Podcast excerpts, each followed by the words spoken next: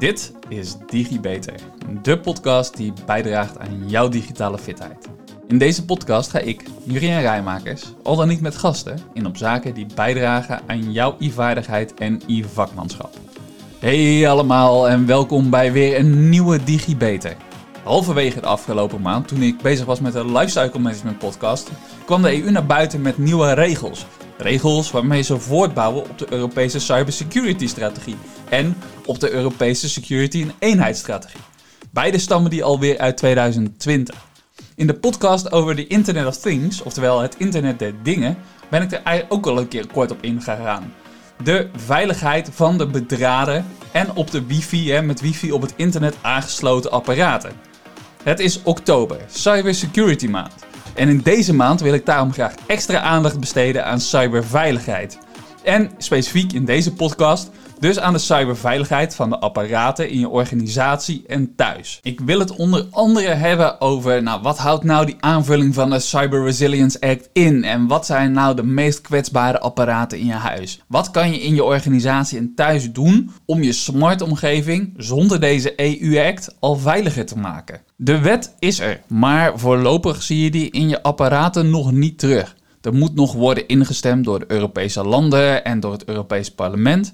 En dan krijgen de fabrikanten ook nog de tijd om zich aan te passen. En die tijd is zeker zo'n twee jaar. Daarnaast blijft het natuurlijk gewoon goed om zelf scherp te blijven. De nieuwe Cyber Resilience Act is bedoeld om bedrijven en consumenten natuurlijk hè, beter te beschermen tegen apparaten met een gebrekkige beveiliging. Je moet dan wel denken aan apparaten die voor een langere tijd meegaan. Dus niet zomaar apparaten die je na een half jaar weer afschrijft. De act omvat allemaal regels en zaken waaraan je als fabrikant van een apparaat of als maker van software gedurende de hele levenscyclus zal moeten voldoen. Nou, sluit toch mooi aan op die levenscyclus podcast. Nou, wat de levenscyclus is, weten we dus al.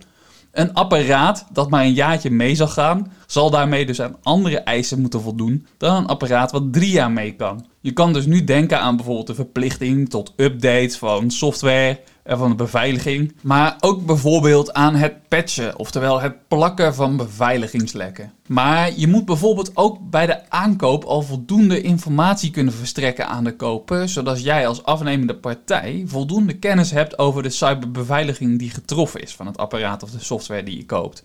De act zou daarmee de kosten voor cyberincidenten met zo'n 290 miljard moeten verlagen. Nou, dat is een hoop geld, maar het is wel een veelvoud van de te verwachte kosten die het voorstel met zich meebrengt. De kosten wegen hier gewoon duidelijk tegen de baten op. Kosten die er onder andere uit zouden bestaan dat je als fabrikant dus je smart home devices eh, zelf die beveiligingsrisico's moet gaan beoordelen. Het binnen 24 uur moet gaan melden op het moment dat er een beveiligingsincident zich voordoet. En dan ook meteen passende procedures moet gaan invoeren om ze op te lossen. En daarmee leg je volgens Eurocommissaris Margrethe uh, Verstager, ik hoop dat ik de naam goed zeg, de verantwoordelijkheid daar waar die hoort namelijk de producent die het op de markt brengt. En om te zorgen dat die leveranciers dat ook gaan realiseren, heeft de EU natuurlijk zijn dwangmiddelen weer van stal gehaald. Zoals het normaal is bij de EU. Het kunnen opleggen van boetes, het verplicht kunnen laten terugroepen en weren van producten van de Europese markt. Maar voordat die twee jaar zover is, ja, dan is er misschien wel iets wat al eerder kan. Nou ja, een van die dingen die misschien al eerder kan, is dat het misschien zo gaat worden dat er al eerder een meldplicht komt. Daarvoor is namelijk minder actie noodzakelijk, minder handelingen noodzakelijk. Het is wel handig om daarvoor te weten waar de grootste bottlenecks zitten. Veel van de apparaten voor, in en om het huis zijn tegenwoordig verbonden met het internet. Dat lijkt handig, maar zitten daar ook privacyrisico's aan? Je moet weten waar, dat er naar schatting zo'n 80% van de IoT-apparaten kwetsbaar is voor een heel scala aan aanvallen. Naarmate slimme huizen steeds verder voorkomen, wat nu echt steeds meer het geval is, zullen we ons ook steeds meer moeten gaan richten op de cyberveiligheid van onze eigen huizen. Dat wat in eerste instantie natuurlijk eenvoudige standalone apparaten waren, werden slimme apparaten door ze te verbinden. En dat brengt tal van cybersecurity risico's met zich mee. Daarom gingen we dus, zoals ik net al had verteld, hè, eerst vandaag in op een aantal van die zeer kwetsbare apparaten die veel van ons bewust of onbewust toch al in huis hebben. Misschien denk je namelijk dat je nog helemaal geen IoT-apparaten in huis hebt. Maar veel van onze mensen hebben ze bewust toch al in huis. En ik zeg het hier verkeerd, onbewust al in huis natuurlijk. Terwijl steeds vaker op de markt komen, al die uh, nieuwe technologie. Ja, en wat maakt een apparaat slim? Ja, in principe als een uh, analoog apparaat wordt uitgerust met een internetverbinding... door hem bijvoorbeeld op de wifi aan te sluiten of een ingebouwde simkaart... dan uh, staat hij in verbinding met de centrale computer op internet... en dan kan die data uitwisselen en wordt hij steeds slimmer, als het ware. Denk maar eens aan je smart tv, je slimme babyfoon, je deurbel... Of misschien wel je slimme beveiligingssysteem. Of die garagedeur die zo eenvoudig open gaat als je aankomt rijden. Je slimme robotstofzuiger die lekker door je huis heen rijdt. Uh, om voor jou schoon te maken. Zodat de schoonmaakster het niet hoeft te doen. Of de schoonmaker.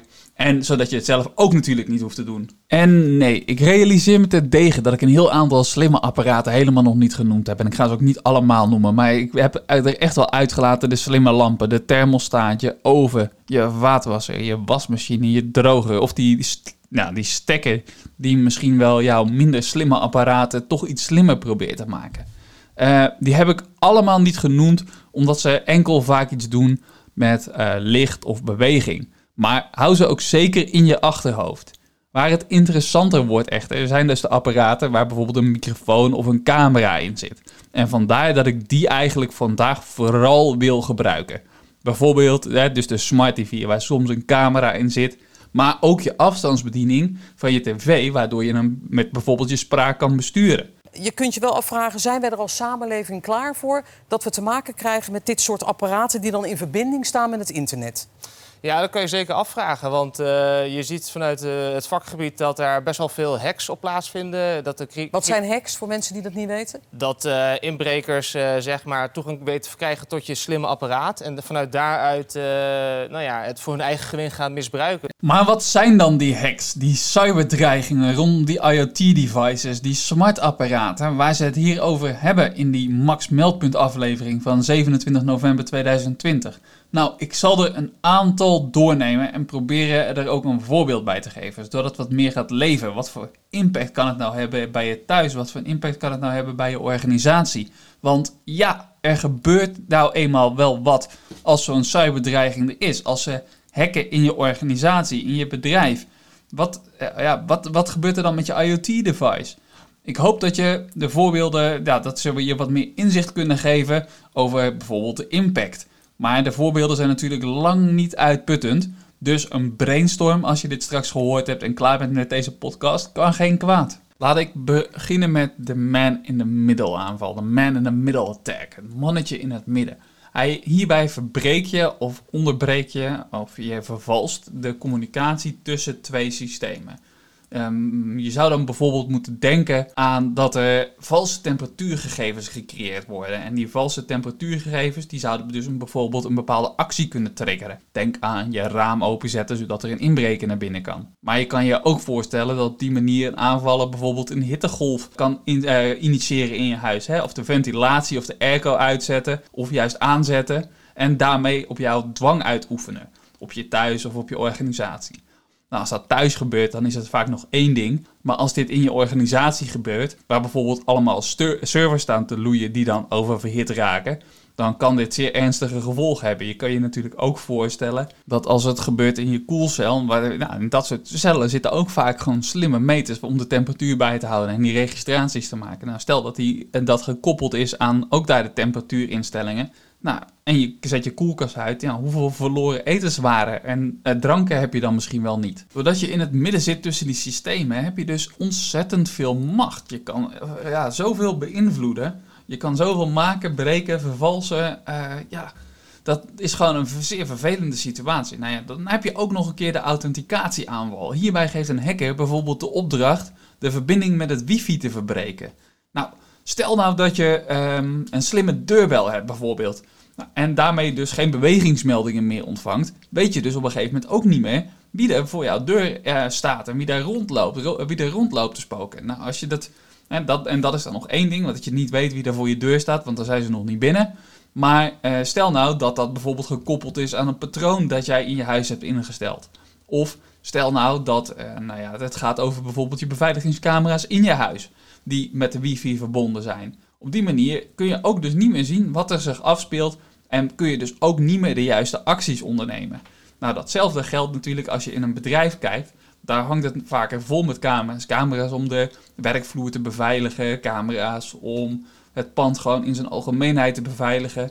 En heel vaak zijn dat soort zaken gekoppeld via het wifi. Dat is namelijk een stuk eenvoudiger dan een heleboel draden trekken. Je kan je echt wel voorstellen dat ja, in een bedrijf, dan wil je niet overal waar je je camera's ophangt, wil je niet overal ook nog die draden hoeven trekken. En vaak, uh, het stroompunt is vaak een stuk eenvoudiger dan bijvoorbeeld een netwerkkabel daar naartoe leggen. Dus het aansluiten op het wifi is dan de eenvoudige keuze. Ja, ga dus na in je organisatie, bij je thuis. Wat zijn essentiële apparaten die je in je organisatie hebt die aangesloten zitten op dat wifi-netwerk. En neem daarvoor de juiste beveiligingsmaatregelen. En wat die maatregelen zijn, ja, daar kom ik natuurlijk straks ook nog wel even op terug. Naast zo'n aanval waar je wifi er dus helemaal door uitlicht, zijn er nog wel een aantal andere methodes die uh, cybercriminelen, die hackers graag gebruiken. En andere is dus het kapen van je apparaat een aanvaller neemt daarmee het apparaat zelf over. Het is een situatie die vrij lastig te detecteren is als ze in je apparaat zitten. Want ja, je ziet ze niet bewegen in je apparaatje.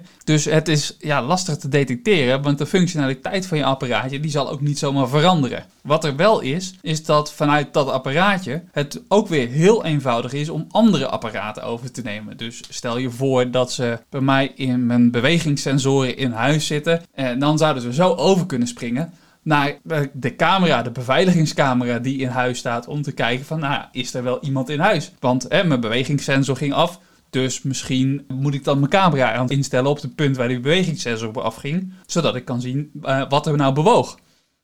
Nou, die overstap is dus vrij eenvoudig te maken. Dus ik zei het al, stel dat er ingebroken wordt op je eh, bewegingssensor, kun je dus gewoon heel eenvoudig doorgaan naar die andere sensoren. Je kan ook bijvoorbeeld denken aan je slimme thermostaat of aan je slimme slot. Als ze dan in je slimme slot zitten, nadat ze gezien hebben dat er bijvoorbeeld de hele tijd niks in je huis beweegt, nou ja, wat, dan is het e- eigenlijk kinderlijk eenvoudig om dus vervolgens fysiek binnen te komen. Of wil je iemand uitsluiten, dan zou je bijvoorbeeld de pincode van dat slimme slot zou je gewoon kunnen wijzigen. Dit soort systemen heb je natuurlijk ook binnen je organisatie. Dus voor een organisatie gaat eigenlijk precies hetzelfde op. Wat je je ook misschien kan voorstellen, is dat er op deze manier gegevens- en identiteitsdiefstal plaatsvindt.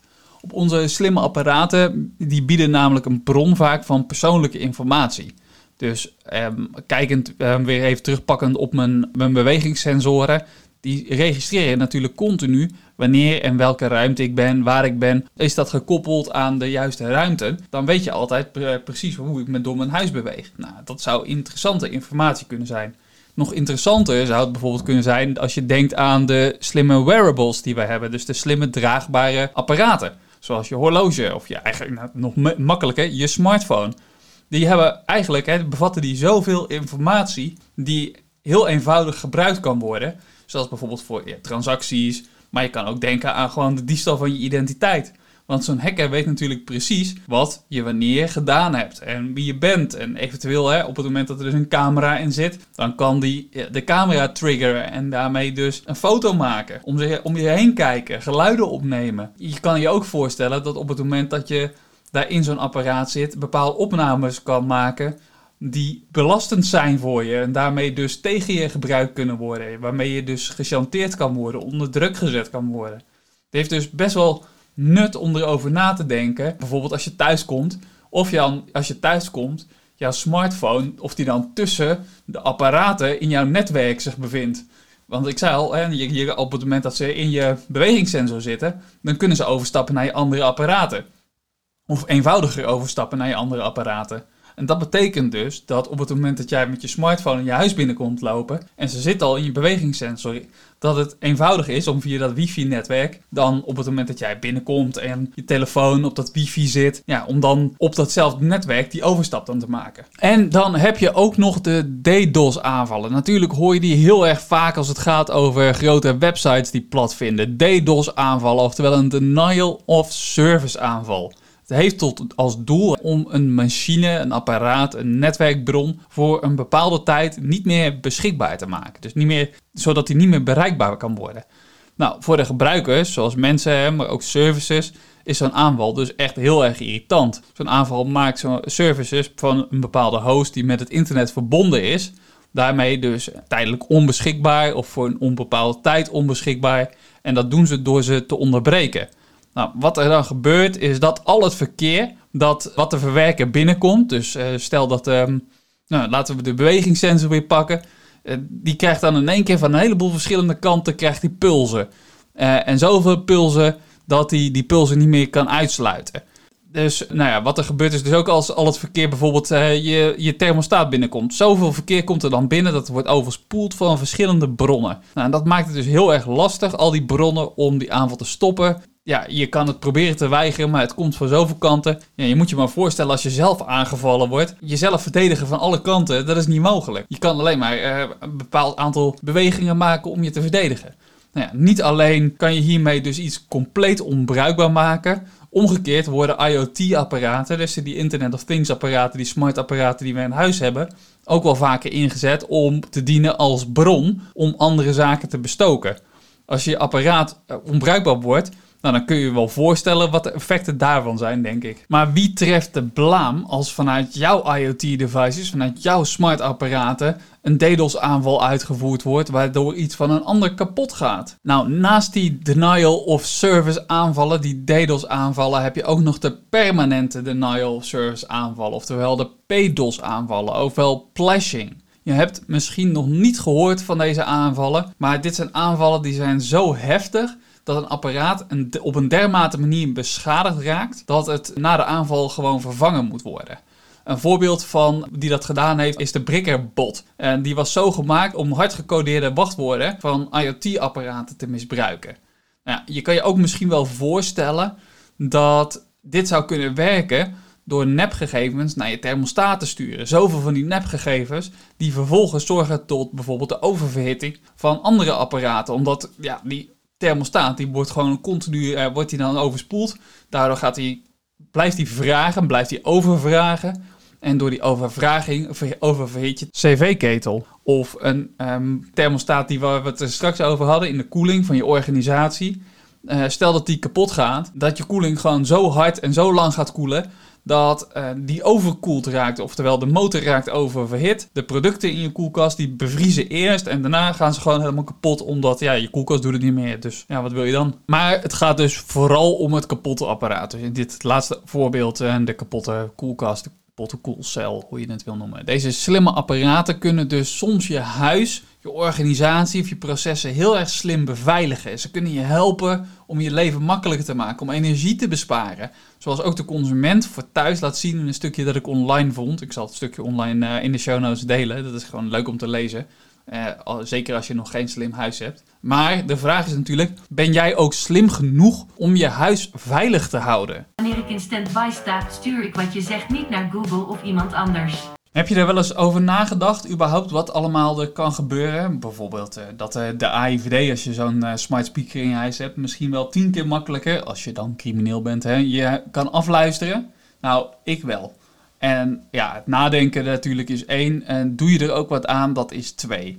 Vind je dat je wat te verbergen hebt? wil je je data graag delen? Onderzoekers hebben 16 veel voorkomende apparaten van diverse merken onderzocht. En hou je vast uit die 16 apparaten kwamen maar liefst 54 kwetsbaarheden naar voren. Dat zijn dus gemiddeld iets meer dan drie kwetsbaarheden per apparaat. Kwetsbaarheden die variëren overigens van het eenvoudig uitschakelen van bijvoorbeeld je beveiligingssysteem tot het stelen van persoonlijke gegevens. Nou, aan jou de inschatting dus. Hoe erg vind je het dat als zo'n speaker in je slaapkamer staat en er bepaalde geluiden opgenomen worden, dat die hackers die geluiden ook kunnen vinden? Daarnaast worden er ook voor bepaalde apps onversleuteld gegevens verstuurd. Gegevens die bijvoorbeeld weer gebruikt kunnen worden om wifi-wachtwoorden te verkrijgen. En als je nou kijkt naar de percentage van bewustwording van de gevaren en ook kijkt naar de percentage van de mensen die niet eens weten wat ze moeten doen, dan zie je dat zo'n 30% zich niet bewust is van dat er überhaupt wat moet gebeuren nou ja, 15% ongeveer weet wel dat er wat moet gebeuren, maar niet precies wat of boeit het niet zoveel, besteedt er niet zoveel aandacht aan. Nou, dit zijn ook cijfers, net zoals de audiofragmenten uit 2020.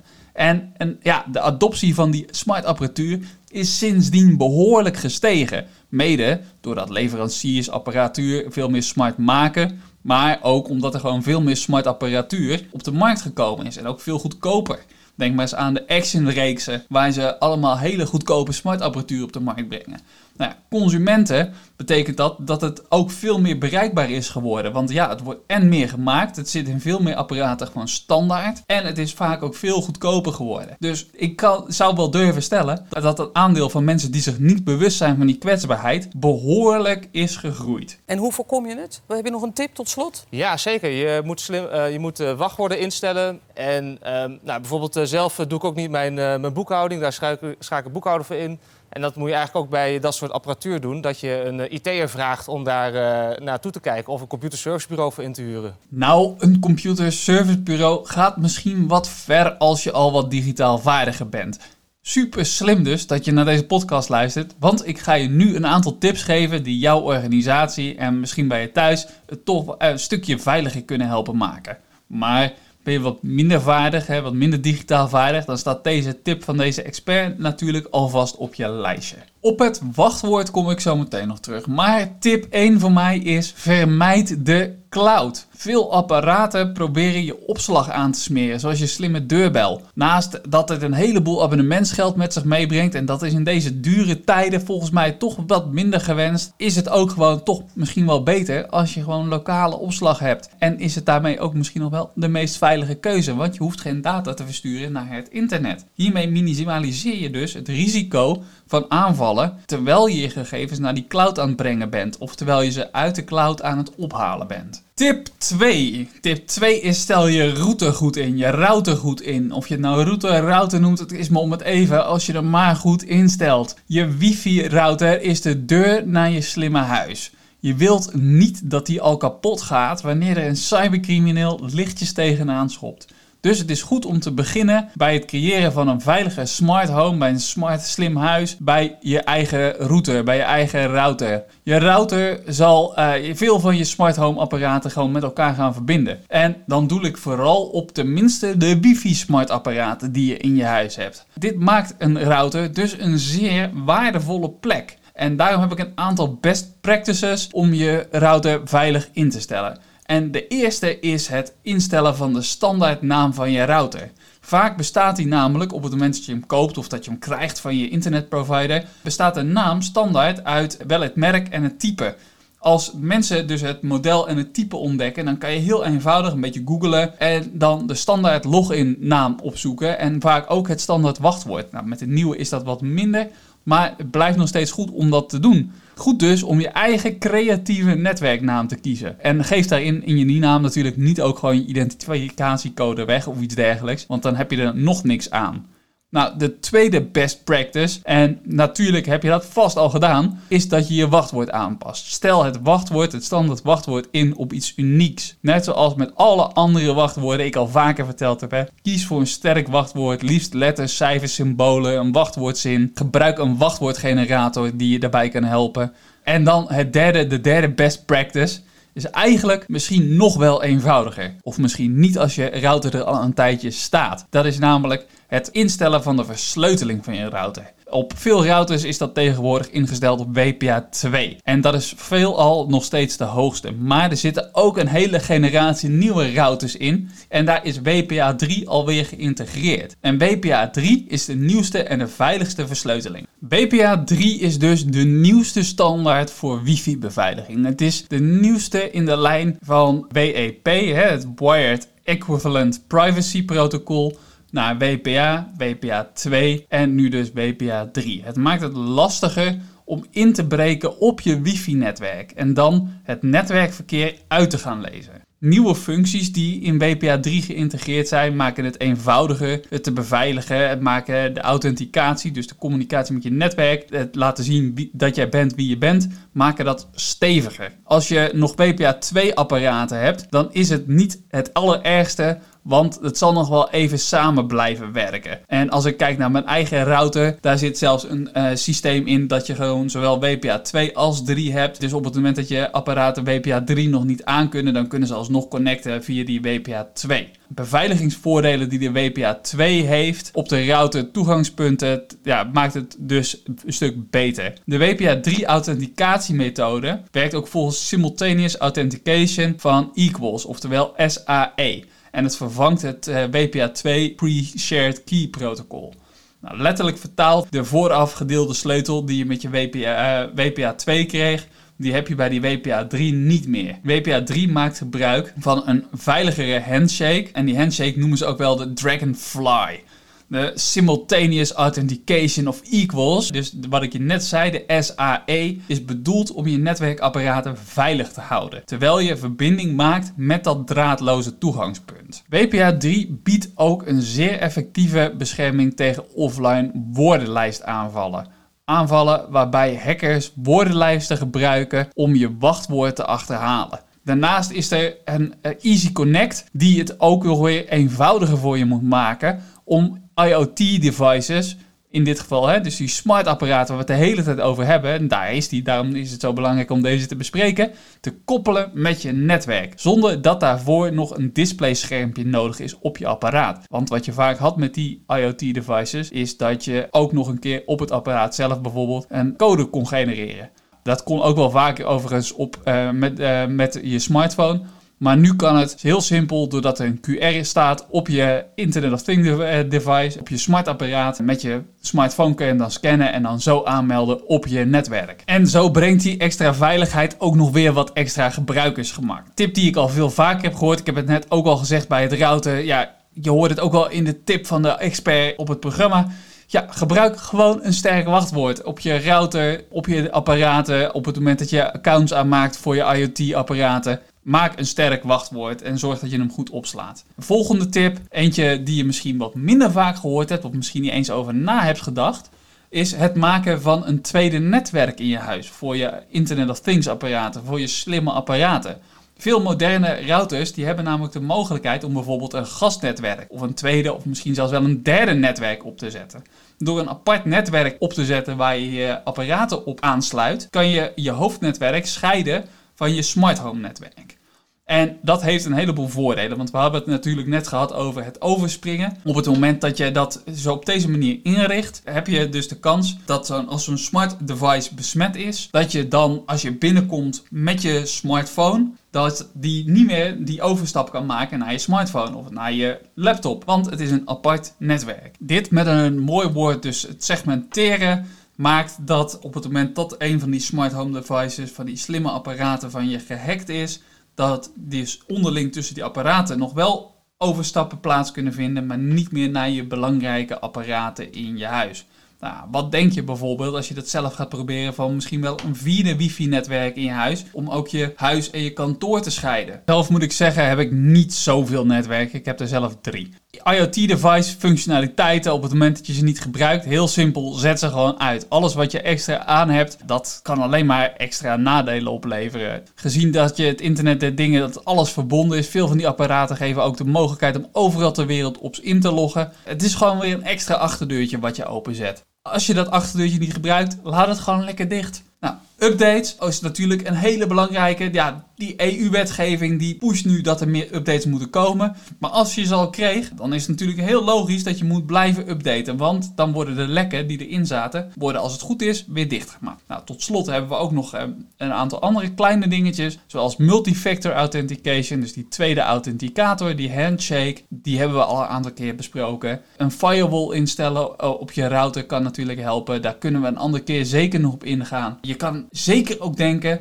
en dat is wel een hele belangrijke, niet alleen voor je stroomrekening, maar op het moment dat je gewoon oude troepen in je huis hebt, oude apparaten, schakel ze ook gewoon lekker uit.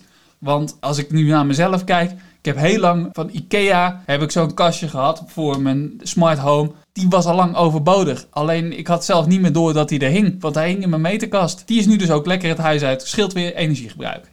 En tot slot eh, verbinding met Ethernet in plaats van wifi. Ethernet, dat is die gekke datakabel die je vroeger in je computer prikte. Nou ja, dat is wel een stukje veiligere verbinding. Dus vroeger waren toch ook wel dingen beter. Nou, het is een mooie oplossing. nadeel is natuurlijk wel weer dat je een Ethernet switch misschien weer nodig hebt om al die kabeltjes, al die stekkertjes door je hele huis te trekken. Je moet al die kabels trekken. Het is, het is wat mij betreft wel het overwegen waard. In de aftrap van de cybersecurity maand hebben we volgens mij een mooi onderwerp te pakken gehad door die onlangs geaccepteerde Cyber Resilience Act. Een echte aansluiter op de eerdere podcast over informatieveiligheid, lifecycle management, smart homes. Maar mocht ik nou dingen gezegd hebben die je niet kent, die ik niet eerder behandeld heb, laat het me gerust weten. En mocht je andere onderwerpen hebben waarvan je denkt, nou, daar zou ik toch graag wat over horen, dan weet je me te vinden via de linkjes in de show notes. Voor nu, dank voor het luisteren. Tot de volgende keer, tot de volgende DigiBeter. Vond je dit nu een leuke uitzending en wil je meer weten? Abonneer je dan op de podcast door op volgen te klikken. Het duimpje omhoog en geef een beoordeling van bijvoorbeeld 5 sterren, zodat nog meer mensen deze podcast kunnen vinden. Wil je collega's, vrienden, familie, zoals je opa of oma, net zoveel plezier doen en ze digitaal fitter krijgen? Deel dan de podcast. En zo worden we samen allemaal digitaal. Heb je een vraag over wat er verteld is in de podcast? Een bepaald onderwerp dat je graag terug zou willen horen? Of wil je gewoon laten weten dat je erg van de podcast genoten hebt? Je kan mij feedback geven en vragen stellen via LinkedIn. Zoek dan even naar Juriaan Rijmakers. Hoe dan ook, na deze podcast ben je weer een beetje digifitter. Tot de volgende keer, tot de volgende DigiBeter.